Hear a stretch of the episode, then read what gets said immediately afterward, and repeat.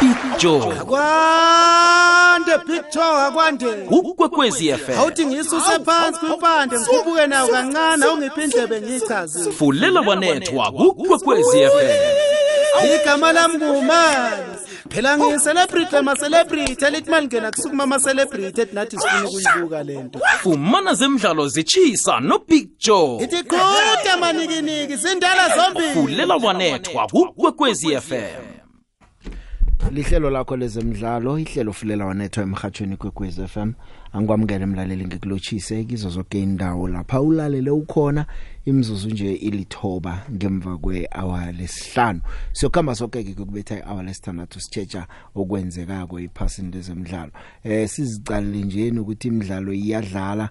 Eh sengizibuza ukuthi kukhambekane ekhotho lapha ePulukwane? Khumbula ukuthi eh indaba yaka masipala walapha ePulukwane nesichema seMaruma Galanzi eh umbango omkhulu ukuthi iKaizer Chiefs eh iyokudlalela phi neMaruma Galanzi eh imasipala uPulukwane uthi sinesivumelwano sokuthi imidlalo idlala kithi hayi ekhaya. Eh, iMaruma Galanzi yona ithi ii thina sifuna ukuyozenzela amacheleni le eRoyal Bafokeng eh sifuna ukuya khona. Eh ekseni ke kwangenwa kodwa na ke akhange kuphume eh isiqundo ekungiso nesichoko ukuthi kwenzekani umdlalo udlalapi bathi baza kubuya ngikhuluma nawe nje ngicabanga ukuthi bangaphakathi bazasitshela ke ngokukhamba kwesikhathi ukuthi izinto zikhamba njani. Kunengi ke okukhona. Lapha ke lamangisi njengoba mangisi abhujelwe nje eh, akhanjelwe kamangisi imidlalo ithwilisiwe ngobunengi eh, indlovukazi amangisi eh, uElizabeth eh, ubhubhile eh, kwayizolo nje emidlalweni weUEFA eh Europa League bekuvunywa ingoma eh kunomzuzwana wokuthula kiyo yonke imidlalo efaka ingchema zalapha eBritain eh eh kelamangisi manje ke icycling cricket ibhola eragwako eh konke ke kujanyisiwe ke nje eh nje akunamdlalo ngaphakathi kwe EPL iphela veke le bayijamise yonke kanti ke kukhulunyiswa ukuthi ke icricket iza kubuya. Umdlalo bekumele udlala namhlanje we South Africa neEngland eh indaba yokusekuthiwa ke sewuza kudlalwa kusasa umdlalo. Ngilokho ke ukukhona eh lapha ke lamangisi. Kanje ithi ngiyokuthengisa bese ke nangibuyako eh ngibuye na nazo zonke ke eh, ezinye ngiziphetheko dlala dlala big joe asidlali la. Ezemidlalo kufunela wanethwa. Umoya owuzwako. Umfuthumalo owuzwako. Ikwekwezi fm kukhanya ba. Lihlelo fulela wanethwa siyaraga ke mlaleli kodwa na ke singakayi kude eh, ngiphethe ukuthi la eh, ngichinge lapha ekhotho ephakameko eh, lapha ePulukwane. Ke sizokuthi zamva nje zikhamba njani? Ukhona uLithabo Khanyago ombiki indaba eh, onzinze lapha eLimpopo. Ke sizwe ngaye ukuthi izinto zijame njani. Lithabo ngiyakwamukela ngiyakulochisa emhathweni kwekwezi FM yechema Uh, Lechani Kwekwezi, thank you so much for having me on the show. siyathokoza. Eh sijame sinomraro lapha. Asazi ukuthi sibike ukuthi umdlalo weKaizer Chiefs neMarumo Gallants uyokudlala phi? Asazi ukuthi umdlalo uyokudlala or angeke usadlala. Sirarekile sibabantu. No, like just right now, um, we just came out of court uh, where Judge Gerrit Miller made a, a, a release. Um, the case has been going on for the whole week because the Polokwane local municipality, who are the custodians of both the old and Peter Makala stadiums, uh, had taken Marumo Gallants to court, obviously. Everybody has the background on that. So in the morning today, um, the, the, the, the, the, the judge had said that um, they had to stop. He could not give a, a verdict on, on, on, on the match because a party that he felt should have been part of the negotiations, which was the Royal Bafokeng, had not been part of the negotiations. So the lawyers for the applicants who were the Polokwane municipality, uh, they wrote letters to the Royal Bafokeng and then we eventually had a hearing this afternoon. So the judge concluded by saying that he was not convinced by the applicants that the game should play in Polokwane Uh, so, and he dismissed the application, the, the, the immediate interbid application with cost to the applicant, obviously. But his biggest reasons in, in, in, in his arguments were to say that is because according to the contract that the applicants brought forward, which is the municipality, that they had an agreement with the club that the club would play 15 games at uh, their facility. But then he said that it is not clear that which 15 games, because we're talking league games and also we're talking about the cup game. So he said mm. that so it's still within the prerogative of the club to pick the 15 games that they take to the Peter Mokaba Stadium. So not necessarily this particular match.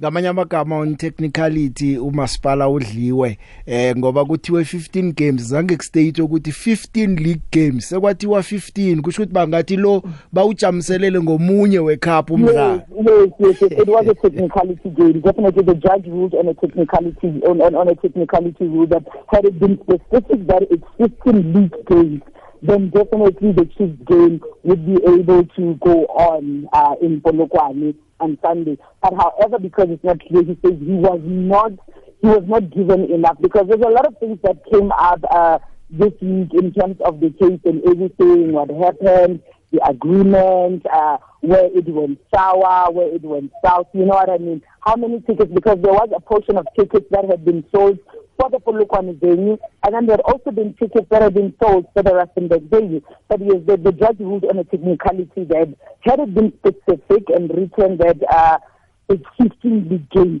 Definitely that game would be playing at the Peter Mokaba Stadium. Ukuyibeka lula nje umdlalo uyokudlala eRoyal Bafokeng ngempela veke eh, iKaizer Chiefs neMarumo Gallants ngosonto akhe si indaba yabantu abathenga amathikiti ngoba kuzwakala ukuthi eLimpopo apho abanye bese bawathengile amathikiti nawathoma ukujanyiswa 100 and something yamathikiti bese kaphumile. Yona ikakhulunywa ukuthi bayabuyiselwa imali zabo noma kuyokwenzekani. Uh, well, we don't know how that one is going to go because we also had like a little chat with the chairman that what happens with that. Because the other thing that came up in court is that there was an official from the club that actually wrote to CompuTicket, uh, I think on the 30th, if I'm not wrong, the 30th of August or the 1st of September. I'm not sure if my mind uh, carries me well there to say uh, CompuTicket should stop selling, should stop selling because that was one of their objectives, not objectives, mm. one of their reasons as they were arguing why they were taking the game to Rustenburg, that it wasn't selling as much in Polokwane as it was selling in, in, in, in Rustenburg. But then it came up that an official from the club had written to CompuTicket to say CompuTicket must stop selling tickets uh, that uh, with the Polokwane venue. We hear that it was around 116 and then but then so far when we spoke to the chairman now he said that we wouldn't believe because it was a huge number of people that had, he didn't give us a specific number, but he said it was a huge number of fans that had bought for the venue in Rustenburg. Ya nasizwa konke imotivation ukuthi eh, isicema semarumo Gallants sifuna uzenzela imali ngokuya le eRustenburg eh, ngathi kunemadlana ethecha imali ebonakala kwabazoyithola unawo amafika mhlawumnye ukuthi kuya kwabo lapha eRustenburg benza malini as compared to imali bebayithola la ePulukwane? What we know is that uh, their agreement, in their agreement, is that uh, the club would use the facilities in Polokwane for free. However, the agreement is that they would be then now, as two parties, be able to take share uh, certain percentages of the gate takings and whatnot. So yes, we all know that Chiefs bring numbers wherever they go. It's a fact. Everywhere, well, except in Joburg sometimes, but. Mm. We know that across uh, South Africa, chief does pull numbers. Yeah, and of course, the, the municipality felt the scandals that this is one of the few opportunities where they can get an mm. almost capacity or a full capacity in terms of funds, and they would be able to make something out of this, unlike in other games where they don't sell as much. Mm. ya kumnandi kuba iChiefs kwenziwa imali ngayo iyabangwa yeah, also this opens now according to the chairman fresh negotiations between the two parties because in the papers that were filed in court, uh, in one of the papers, if I remember well, page 12, the applicant issue the municipality, they referred to something where they said that the club had said to them that they received 4 million rand from Chiefs to move their game to Rustenburg, and then they went back to the municipality to say they want 10 million rand to counter the 4 million. So now it looks like I'm not sure, but according to the chairman, looks like what they will want to discuss further is a situation agreement where they actually get something money from the municipality in this case. indaba yokuthi 4 million le ibuya kubani nayo ngibona ngathi ngenye indaba eh, esingakubani neqiniso bathi iChiefs bayabuya godu kuthiwe eh, akusi iChiefs esipay imali imali le ibuya phi ku Real Bafokeng or ibuya phi Now, according to the papers, it, it's coming from Kaiser Chiefs. Mm. The applicants claim in the papers that they were told by the club that Kaiser Chiefs gave them four million. So that's why they came back to the municipality to say, we want you to counter the four million with 10 million. So one of the councils for the applicants, which is the municipality, yesterday argued that uh, he felt that maybe the game should have been postponed to allow for arbitration. And also he questions uh, ethics matters, but he also felt that the PSL should have also investigated this, especially with the allegations that there have been money that has been exchanging hands and whatever. The PSL should have stepped in, but that nobody went very deep into that, you know, because the judge still felt like technically 15 games which are not specified what do we mean by 15 games? It does not mean that Marimo can take one of their games as long as they will be able to honor the 15, 15 that games. they had agreed with the municipality.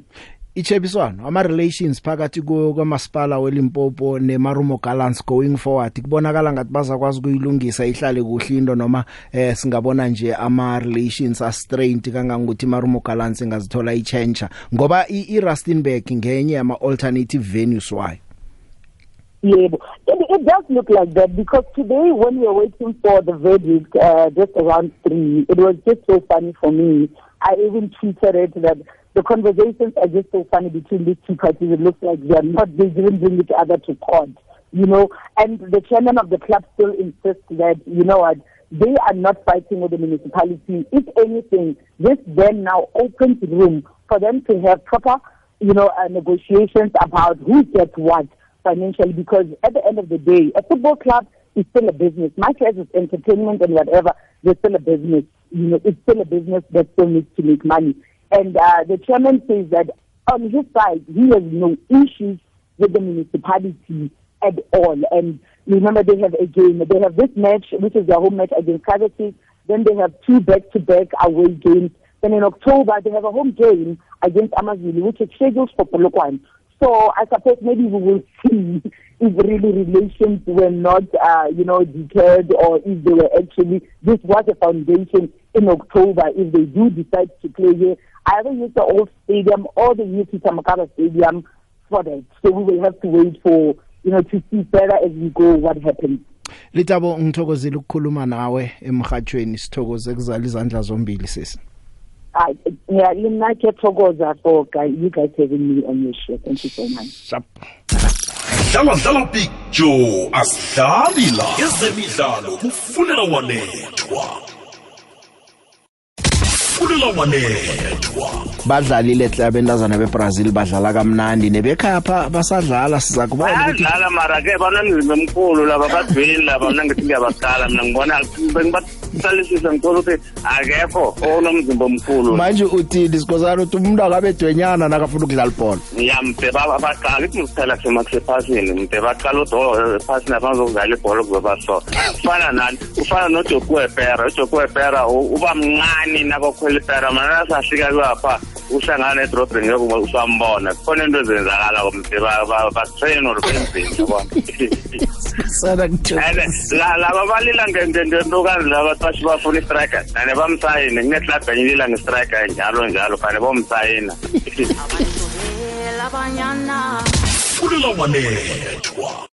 Ya indaba ijame njalo ke mlaleli ihlezi umdlalo ngosonto uyaraga eRustenburg lapha eRoyal Bafokeng Stadium isicema seMarumo Gallants nesicema seKaizer Chiefs. Ngaphambi kokuthi kuphume isiqundo esike eh umphathi uDr Abraham Silo eMarumo Gallants eh ukhe wakhuluma naye bekakhuluma ngaphandle kwekhotho eh kawumuzwa ukuthi bekakhuluma athini kodwa na le inkulumo yangaphambi kokuthi eh kuphume isiqundo esiphumile kwesi As we interpret the, the, the, the court issue here is that the status quo remains. Uh, we, we're getting on as usual, so there is no other given specifically to say which way it goes. So status quo remains. And we're happy with the outcome. We have to inform our management. And then what happens here, Chairman, like from this point? We do as we're doing. As, as we're doing. Prepare as we're preparing, carrying on, because there is no specific order say stop. Then, uh, Chairman, if you can just enlighten us in terms of the sales of the ticket. Hmm. I won't say that it's quite a lot. I don't want to contradict myself in that. They will see them, we'll publish them clearly by tomorrow. Chairman, what are, what are the relations like now with the municipality because of this case? Very good relationship. I'm not fighting with the municipality. It's just that they have to give us chance to go and do the fundraising when necessary because one, don't have sponsorship. Two, all what they're promising us, they don't give it to us.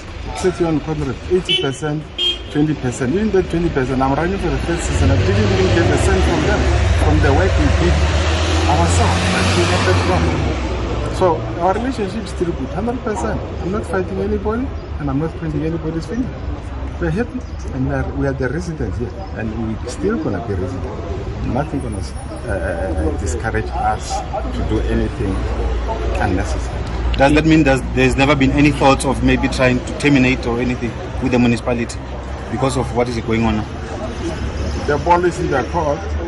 That is pending, and I think, as they mentioned, they want us to sit down and discuss. I don't know how to discuss the outcome of the discussion going to be. Is it true? that you- It was quoted yesterday in, during yesterday's proceedings that you said you are you lost interest in hosting your games. Sorry, that one I'm not going to comment on the respond and our plea. That issue is still before court. I can Chairman, where's the team right now? Are they already at Rustenburg or they are still here at No, Brooklyn? the team is here preparing. When are you leaving? Can I leave tomorrow? We can leave tonight. I'll check with my technical team because remember we couldn't just leave pending the results. Ya kungendlela kungakhona. Iphelile ke mlaleli eh umasipala uPulukwane ulobile. Kuthiwe siyokudlala 15 games zangibathi ukuthi imiphi imidlalo. Mayena bakhipha weChiefs kusese nama cup game kusese nakho konke lapho nemidlalo eh ye CAF Confederations Cup. Kusho ukuthi 15 isaza kuhlangana noma kuphume lo eh, umdlalo ke uchinga lapha ke eh, njengoba usazi ukuthi isiceme sidlala ekhaya ngisesiwola imali yonke manje bathi nathi siyokuraiser ama funds Chiefs nayiyangale kuza kuzala senze imali enengana. Ngizo lezo ke indaba eh, ebesisolo sizilindile ezekhotho esolo sekuyakhulunywa eh, iveke leyinga kanje. iChiefs ke ibuye yahlawuliswa ke uzola majavu kwele phezukwayo iChiefs eh, batsho ivumile umlando 200000 ukuthi abalandeli bangena ngaphakathi kwetatawu nabadlala neStellenbosch. Eh, umajavu uqinisekisile ke ukuthi eh, iChiefs neleague PSL kumele zibambe press conference lapha zizakhuluma nabalandeli ngokuziphatha. Akhe sizwe nje ukuthi isigwebo usibeke wathini ngowakhe umlomo ngaphambi kokuthi mhlawumnye ngingabe ngikuhlathululele sona They pleaded guilty as charged and having listened to extensive submissions on behalf of both the prosecutor as well as their legal representative, the PSLDC sanctioned Kaiser Chiefs as follows. One, a monetary fine of 200,000 rands, of which half is suspended for a period of 24 months on condition that during the period of suspension they are not found guilty of the same offense. Two, the league was directed to carry the cost of the sitting as opposed to Kaiser Chiefs. This was on the understanding that the league, as the event organizer, ought to have arranged security differently. Three, Kaiser Chiefs was ordered to pay the costs, if any, of the inner perimeter fence, which was breached by its supporters. Four, the league was also ordered to pay the costs of the outer perimeter fence, if any, which was damaged as a result of the invasion and due to what the DC characterized as inaccurate security arrangements. Five, both the league as well as Kaiser Chiefs senior officials are directed by the DC to address a joint press conference at which they would be expected to convey a message to the masses out there regarding this type of ill behavior. mkhanyo kwaphela osusa ubumnyama ya indaba zinjalo kakhe ngibuyele emva kancane ke eh isicema seKaizer Chiefs njengoba sihlawulisiwe siyokhipha 100000 kusho ukuthi 100000 enye isuspended for 24 months okuyi 2 years. Eh iChiefs ingazitholi imlando ngokwenza isehlakalo esinjalo godu. Eh kanti ke ileague yona kuyi PSL batsho ke ngiyo yokubhadela ama cost okuhlala kwekomite ekhalimako le ngoba bekungiyo ke organize leko ebekumele kube ngiyo iarrange isecurity. Manje ke Kaizer Chiefs kuthiwa ke iyokubhadela ukulungisa kwefence engaphakathi kwetatawu eh elinyazwe balandeli. Eh ileague yona iyokulungisa engaphandle uyiswe babantu ngoba batsho bekungiyo ileague eh, in charge for i-security. Ileague neKaizer Chiefs eh batsho bazakwenza lapha ke istatement ke kuhlalwe phasi ke eh kukhulunywe nabantu ukuthi abantu eh ningathomi niyenze into enjengale. Ngibuyele nendabeni ke le yeMarumo Galansi angazi ukuthi eh sengiyakhama nje ngikha phezulu ngoba ke eh uLrato into ekhona umdlalo uyokudlala kodwa nekhotho eh umasipala uPulukwane nakaya lapha eh batsho kuma emaphepeni akhe bekabhala ukuthi iChiefs batsho ibathembisa 4 million abantu aba ngikho bafuna ukusa umdlalo le. Kwathola ukuthi ke into iMarumo Gallants ethi thina siyazi sithomo izwa ngani akunamuntu okhulumileko ngendaba yemali sazi ukuthi ngiyithatha ukuthi imali siyithethe yabe iwela lapho ke indaba le. Kodwa na ke eh ya ekugcineni umasipala lo lobile bekafuna ukuthi umdlalo uye kuye ngoba naye nakuyokudlalwa kuye wenza imali nakuza isicema seKaizer Chiefs. Ngeminye imidlalo bacha benza imali eningi ngawo lo manje ke kubhalileke. Kanti ke okunye ukukona ke sengiraga nje ngaphambi kwama voice notes ngaphambi kokuthi ngingene emidlalweni indaba ezibhlungu ezaka Sebastian Hala uSebastian Hala eh utholakele lapha ke anekankere i-testicular cancer eh ikankere le yesidoda eh manje ke ke indaba ezike zimenyezelweke batsho watholakala ngoJuly anobulwelobu eh umongameli weFIFA uGianni Infantino naye ke uthumele umlayezo uthi man eh sonke siyezwelana naye eh, ngathi angalulama ngokuphelele kobegodu alulale memsinya abuya azokwazi ukudlala. Eh manje ukhumbuleke ukuthi uhala eh, udlala ehle kangangani esicemeni seAjax Amsterdam. Batsho nakuphela isizini nje eh, bakhona ukutholakala ukuthi uthwenywa yini. Eh, wakora 21 goals wasiza isicheme ukuthi sithumbe ileague hlandla lesibili ngokulandelana. Eh njeke ke ngoJuly kuvele ke ukuthi uyalapha esichemeni seBorussia Dortmund eh abantu beGermany balinde ukumbona bamamukela ngezandla ezivulekileko eh njeke nakuke sekunje eh sithembe ukuthi kuzakulunga Mamelodi Sundowns abendazana bakhona ku CAF Women's Championship idraw yenziweke baku Group B bokudlala nesicema seEgypt iWadi Delta badlale neseNigeria iBayelsa Queens eh bese ke bokudlala nesinye siyokuthumba eh kokwakho ke esithumbe lapha ke ama Unifac regional qualifiers. Eh batsho basaza kuqinisekisa ukuthi ngisiphi isichemeso. Ku group A eh kunesichema seMorocco iAS far eh bese ke seTanzania iSimba Queens eh seZambia iGreen Buffaloes neseLiberia iDetermined Girls. Ngizwe ke zokudlala khumbula ke ukuthi inkutane ezivikela lo nongorwana eh sichema seMamelodi Sundowns samthumbako nje siyokulwela ukumvikela ke iphaliswano lithoma ngomhla ka30 kuOctober liyokhamba bekube mhla ka13 kuNovember. Eminye imininingwana sisaza ithola ke. Zekhatha ke ngeziphathelene notshwala eh ukuthi ungezi notshwala bakho nokuthi utshwala buselwaphi iphaliswano ePickering Pass na ukusela inyanga nje ezingabandathu ukuthi lithome. Oyi chief executive lapha ke yeKhatar 2022 uNazir Al Khater eh uthi man thina sesiya criticize kuphela nama journalists kwesinye isikhathi eh, sesisolwa nje eh, ngento engekho. Kusele 70 days ukuthi iphaliswano lithome eh, uyazi ukuthi bahlatshwa kangangani. Kanti ke ukhuluma nokuthi utshwala nizobuthola nedibi yokuthengiswa endaweni ezibekiweko njengawo wonke amaphaliswano wePickering Pass abakusikho ukuthi kithapha kuhlukileni We have been uh, being journalists or members of the media following sports and following the World Cup in particular know undoubtedly that Qatar has been faced with a lot of criticism from the very beginning. Uh, we've always maintained the fact that people who have not visited Qatar um, will have a, a, a, different perception from when they do visit Qatar. Um, everyone is free to make their own judgment. Everybody's free to make their own perception. This is this is um, human nature. Um, however, we think that uh, um, a lot of the criticism has been unfair. A lot of the criticism has been um, not based on factual reality. Whatever we felt was fair criticism, we've taken on board. Um, the sale of alcohol is um, available here in Qatar. We've also said that during the World Cup we will make it uh, available in specific zones for the fans. I think that there's been a misconception uh, um, regarding the sale of alcohol in the stadium. We're, of course, working like any other World Cup where um, this is something typical and usual, and it's no different than any other World Cup.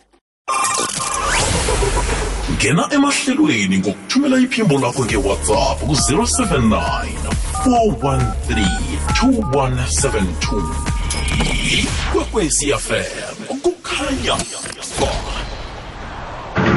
Sawona Big Joe nethimba lonke. Hey siyabonga Nkosi yami. Nathi bese behambele ngakithi sila eRustenburg. Ayindlala ezemidlalo eRustenburg Big Joe inkulu kakhulu nje. Hawu siyabonga becela nje ikhulu ne neziphathi mandla zakhona la eRustenburg noma eNorthwest nje ziyisukumele le ndaba. Hayi indlala yebhola la- iyinkinga la amaground ama- amakhulu nje akhona lapha eRustenburg eNorthwest makhulu ama ground. Kodwa nje hey komile awu siyabonga mina nguthi abonga kankulu ngilala simbheke ekhasa toba natali thank you picture Sawubona Big Joe. Ukhuluma na Patrick Malaza walapha eSnake Park eSoweto. Big Joe, icembu lamakhosi amateam lamaningi liyawasita Big Joe. Ngesupport ngoba amanye amacembu awanaso sponsor. So mawadlala neChiefs noma kwi-away game yeChiefs lamacembu ayahlomula.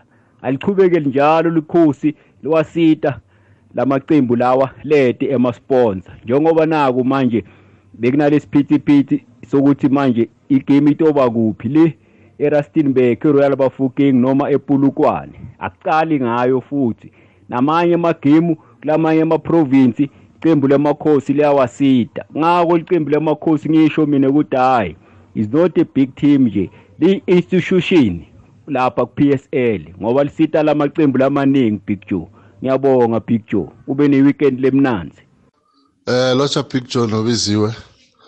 Eh ngenze sure ukuthi ngiyalalela njengoba khe ngabuza izolo ukuthi umdlalo uzokudlala na between Chiefs neMarumo Gallants. Hayi bengilalele ngizwile inkulumo yakho eh nesikhulumlisa Big Joe. Hayi umdlalo uzokuchubeka. Eh izinto ezihle lezo. Eh ngoba eh inkulumo engizwileyo angithi manje iMarumo nayichiftele iChiefs le eRoyal Bafokeng. Eh njengoba kuyi home game abo.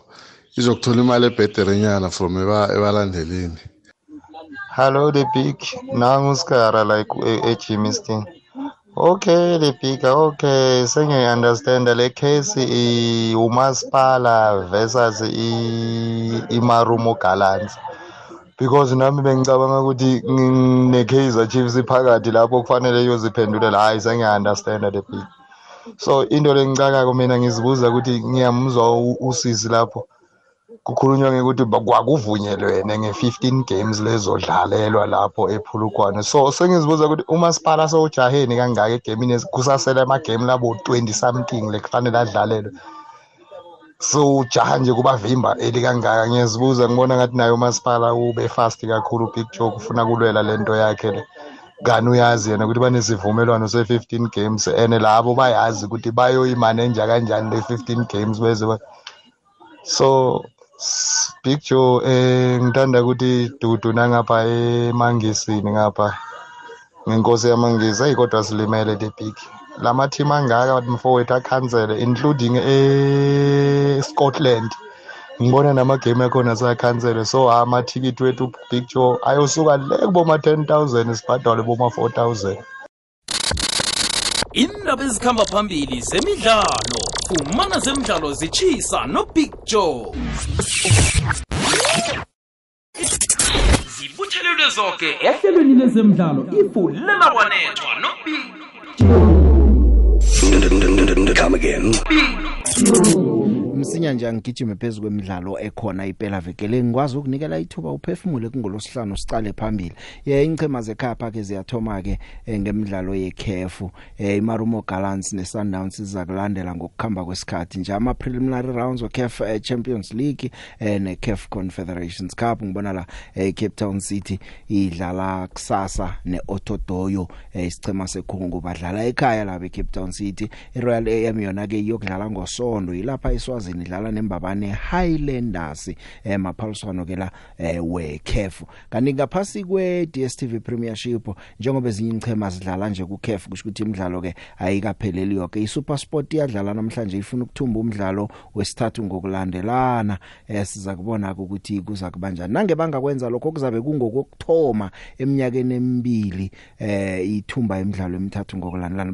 Bachinga ba, ba eMaritzburg kokubhlungu sengiloko eh uKevin Hunt uthome kumbi kodwa ubethe iRichards Bay wabetha iMamelodi Sundowns okuyinto ke engasuthi ichugulule izinto kancane eh nakangathumba nje namhlanje angalala ku number 4 iMaritzburg United yona ke icede ukubetha iOrlando Pirates ngo 1 not nabo bafuna ukwakhela eh phezukwalokho kanti kokhunya bakuthembileko ma crowd walapha eMaritzburg wangolosihlanu ebusuku. Kufikela nje ke ebathumbe imidlalo emibili kemithathu edluleko eh balo bemibili badlala ngokulingana emibili. Eh ukhumbuleke ukuthi sicema lesesitsha uJohn Maduka ufikile ulola ukuhlanganisa naye badlala namhlanje past 7 kanti chipa ke iyokthoma ipilo ngaphasi komjaphethe wombandulo uMorgan Mamila. Us Morgan Mamila ke ibizela ilemuko lokubandula akanalo iadministrator kodwa na ke nango uyangena ke eh uClate bamcothile ngemva kwemidlalo elikhomba eh noma ke acho uchipa mpengesi nakufika uDentlete wathi nababanduli bapha 10 games ukuthi baziprove lo bamcothe nge7 net nabacitha ukudliwa iSundowns go 1 not eh ichipa isemsileni ke nje nabo ke kubudisiki ngomgcibelo ngo3 badlala namazulu ekukhambeni. Stellenbosch eh naso ke sifuna ukubetha iswalo sokokthoma bakabe uyibethi Swallows laba beStellenbosch. Stellenbosch ayikabe kubethi Swallows nakanye. Badlala ngomgcibelo eh ngo3 eh iSwallows ku number 13 ya nje kancane 1 point above relegation zone eh ngemva kwemidlalo esithandathu. Eh kana uqala isichema se seStellenbosch sona silobe imidlalo emibili eh, ngokulandelana. Eh, Richards Bay nayibabetha kokabe kungwesibili eh, nje ke sakubona ukuthi yokudlala njani ngoba iswalo sabakabe kuyibetha solo yakibagena ipromotion ngo2020 eh, kunama draws ay4 abawadlalileko hlangana nazo ingcheme zombili. Kanti Orlando Pirates ke nayo ke madoda eh, yokudlala nesicema seTS Galaxy. Ngemva kokuloba ke ibetho iMaritzburg United kuzakumele izithinditheke nje TS Galaxy fikile umraro Orlando Pirates eh ngiyacabanga ukuthi nesizini epheleleko phezulu ufana nesizini le uyafana eh kubetshwa kwamagondela amagondela wekho abawabethi ngokwaneleko. Nje banamagondela amane emidlalweni elikhomba eh ukhona ukubona. Abanamagondela amancane kunesichema seOrlando Pirates abawabethileko sichema lesiTS Galaxy eh sina 3 emidlalweni esithandathu. Khona ukubona nje ukuthi amagondelo ngakoLando Pirates awezi kuhle. TS Galaxy ngiyichiya ngiyibona ke nokho ayiwabethi njalo ngakibo iyakhandela. Kibo kungena igondelo elilodwa kuphela. Solo isizini ithomile. Okuza kutsho khona ukuthi Orlando Pirates iza kuba nomraro eh namde ikwazi ukuthi ithole ikondelo ngoba bayakhandela ke laba bantu. Sakubona ukuthi kudlala njani. Okhunye ngakutshela khona TS Galaxy ibethe Orlando Pirates kabili emidlalweni emine abayidlaleke edluleko. Ibethe kabili yaloba kanye yadrawa omunye umdlalo. Kusho nje ku head to head TS Galaxy ngehle kosicema so Orlando Pirates. Eh okunye ke ngakutshela khona ngomdlalo kubuyela lapha eOrlando Stadium ngiyacabanga ukuthi uTeam Sukazi eh kuyokubuya ama memories wakho wachuka chuka kabhlungu lapha alelwa ukungena eh lapha efuna ukungena khona noma wayenelungelo lokungena. Eh lokho ke kwenza nokuthi Orlando Pirates yagcina ithola kale imlandu itholwa iPSL ngesehlakalo esoke. Umdlalo omunye ke nawo lokho ozokucalwa ngamehlo abovu eh iSundowns? Iyadlala ke nayo. Eh iye ibethile iChipa United phakathi kweveke basebujameni bokthoma elogweni eh ngegoal difference. Bachinge isicemeni selamontville Golden Arrows esesivuka vukile naso isicema se Golden Arrows. Badlala ngomgcibelo ngo8 kanti Chiefs yona ke njengoba bengitsho iyadlala ke ngosonto sesisazi sonke ukuthi idlala eRoyal Bafokeng Stadium. Kanti ngaphasi kwe Mutsipe Foundation Championship eh kuyadlalwa ke nakhona. Eh namhlanje bewukhona umdlalo iMagesi neCape Town Spurs. Emidlalweni lo iCape Town Spurs eh ibethe lapha ke isichema seMagesi ngo2-1 umdlalo bowukhona eh, eminyana ke namhlanje. Kanti kusasa iHungry Lions nePretoria Kellys iAll Stars neBaroka iPulukwane City neBlack Leopards iJDR Stars neCasrick iCasrick eh siyibonile ke umdlalo wokthoma ithumba lapha ke eh kwamhlanga isoliboni mahlangu. Namhlanje bachinga eGiant Stadium kusasa lapha bokudlala khona ni JDR Stars. Ivenda Football Academy iyokudlala lapha ke nePlatinum City Rovers khona ngomgcibelo bese kuthi ngosondo imidlalo ibe mbili TTM eh ine MM Platinum. Bese ke uthongati liba ne University of Pretoria. Midlalo esinayo eligini yethu yala eSouth Africa eh iphela veke le. Njengoba msazi ke ke lamangisi eh kubhalile ngizoskaralila tamathikiti abo madoda maye bakhansele neScotland imidlalo ayika abantu bayabheja madoda bazibeki phasi umoskora esindlovu ikhosi elikhulu esiduduza bingeleni obiziwe lapha estudio. Hayi ngizathanda nje ukukhomenta nje ngale ndaba le yokuhlaliswa kwe-chiefs i-200,000 ne-100,000 ilengiswe for, for, for 24 months. Eh ukuthi bangatholakali futhi kule 24 months amelanga batholakale bayenze lo lona i-crime leyo futhi okanye mhlambe the same offense ithi ngithi same offense. Manje wariyami ukuthi ama-results mabangekho ahambe kahle ngoba abalandeli ngiyabazi be-chiefs. Eyi nkosi yami. Bazofuna ukungena lapha ngilanga mhlawumbe bafuna ukushaya ukhoshi bese baye futhi bayi-charge i-chiefs ngiyabonga. Ngumosikhoraz ndlovu ikhosi elikhulu esiduduza eh thobela big joe livisiwe. Eh big joe zola matshafu nna ke a mosola why a fina kaizer chiefs? A sa fine stellenbosch ka gore stellenbosch nkebe se tsere game sa iša groundeng e sharp. Nkebe e išitše um groundeng e leng right ko stadiumong. Jale stella stadium ke sa bana ba sekolo. Ba phošo go fina kaizer chiefs. Ke a leboga big joe ke andres mabela ka davidton. Akwande akwande the big nanguriver ngedenelton man the big make ngithome ngokuthi dudu. Eh kumndeni wonke waka Queen Elizabeth the, the big. Sithokoze indima ayidlalile le big uma umoya wakhe kwangathi ungalala ngokuthula.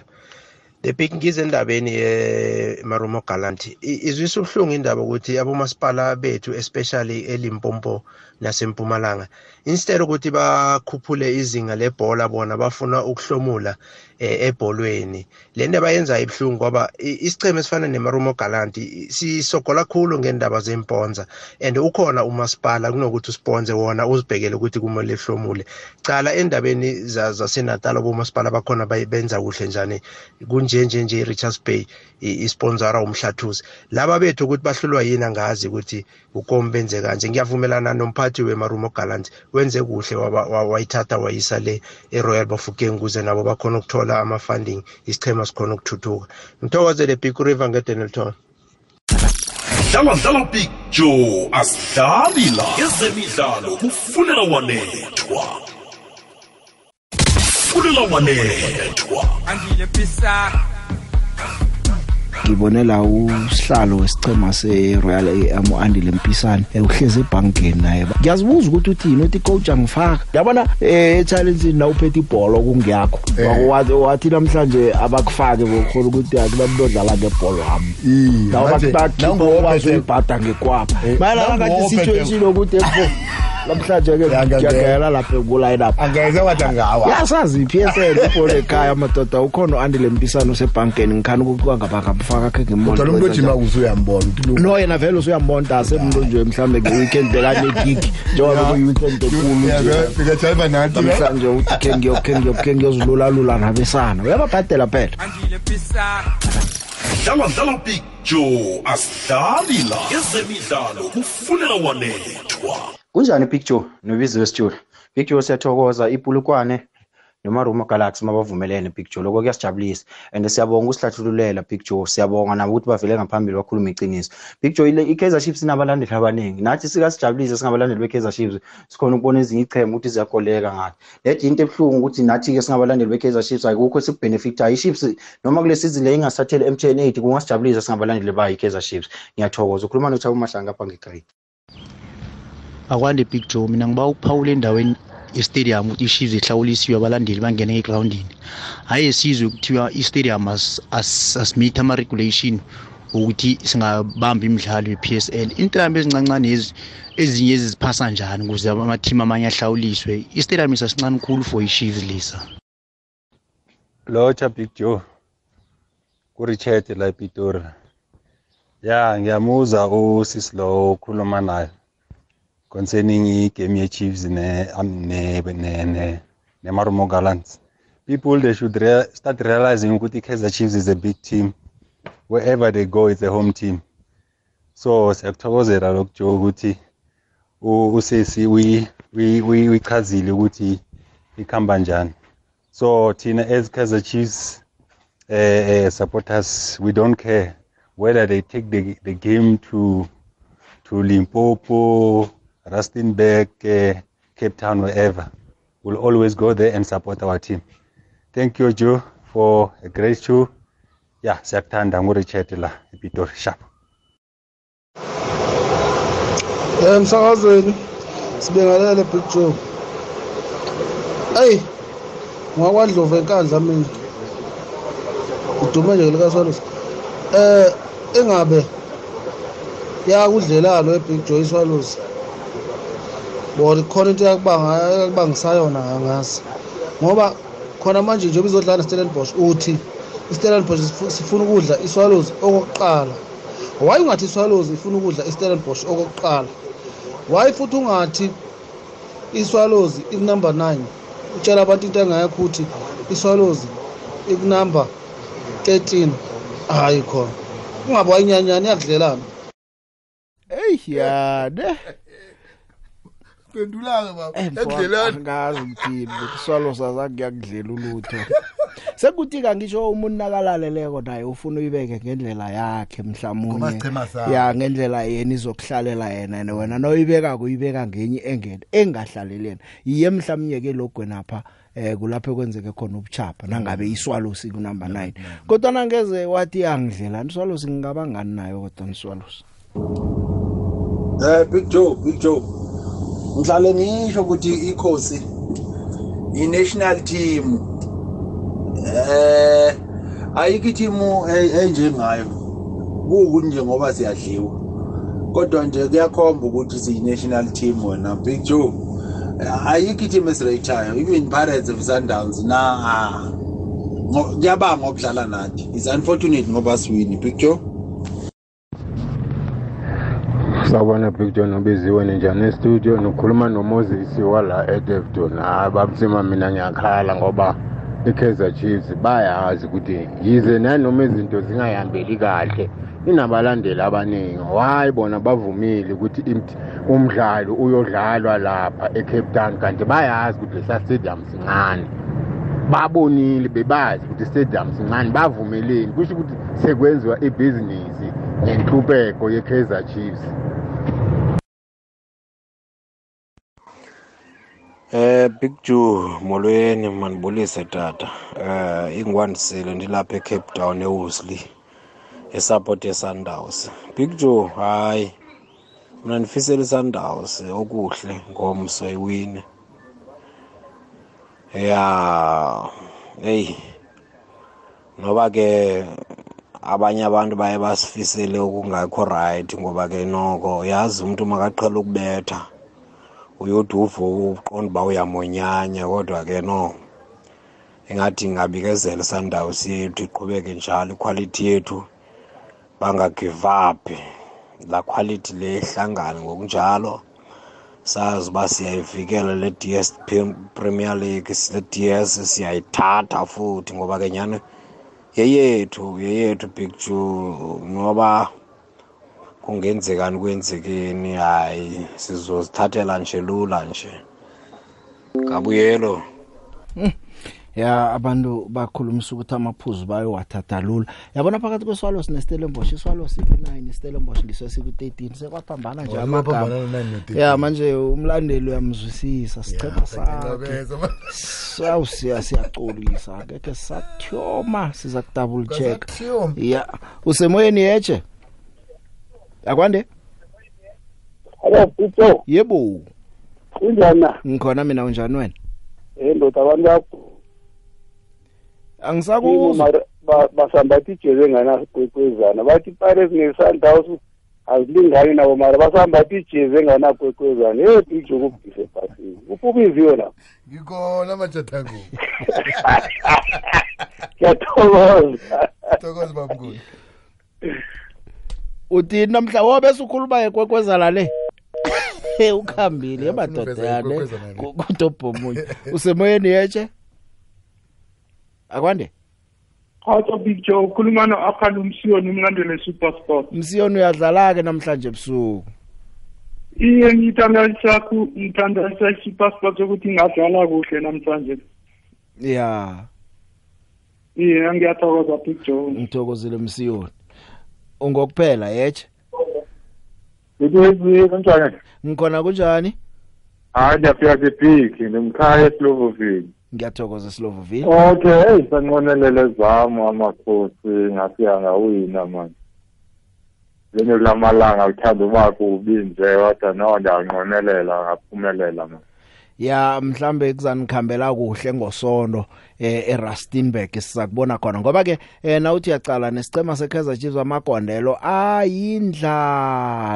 Eh bakore nje kabili kuphela. emidlalweni eyi6 yonke iChiefs eyidlaleko ikore only kabili. Nababethi Maritzburg ngo3 not nalokho ababethi Richards Bay ngo1 not Wathuleka. kuRoyal AM azange nikore kuMamelodi Sundowns anikakori Cape Town City anikakori kuMazulu anikakori mhlambe uCaleb uza kuhelebha namhlanje nangabe bazamthomsana emidlalo ngosonto Hayi ko ngibawela njalo at least bamqalise negame mhlawumbi noko enza ngcono. ngithokozile. Okay ndabulela kahle. ahake. Mlaleli phela veka ukho ayibe mnandi. Chema zenu zisebenze kuhle zithumbe nibuye nithabile ngomvulo. Uzolothi ukhona ngapha.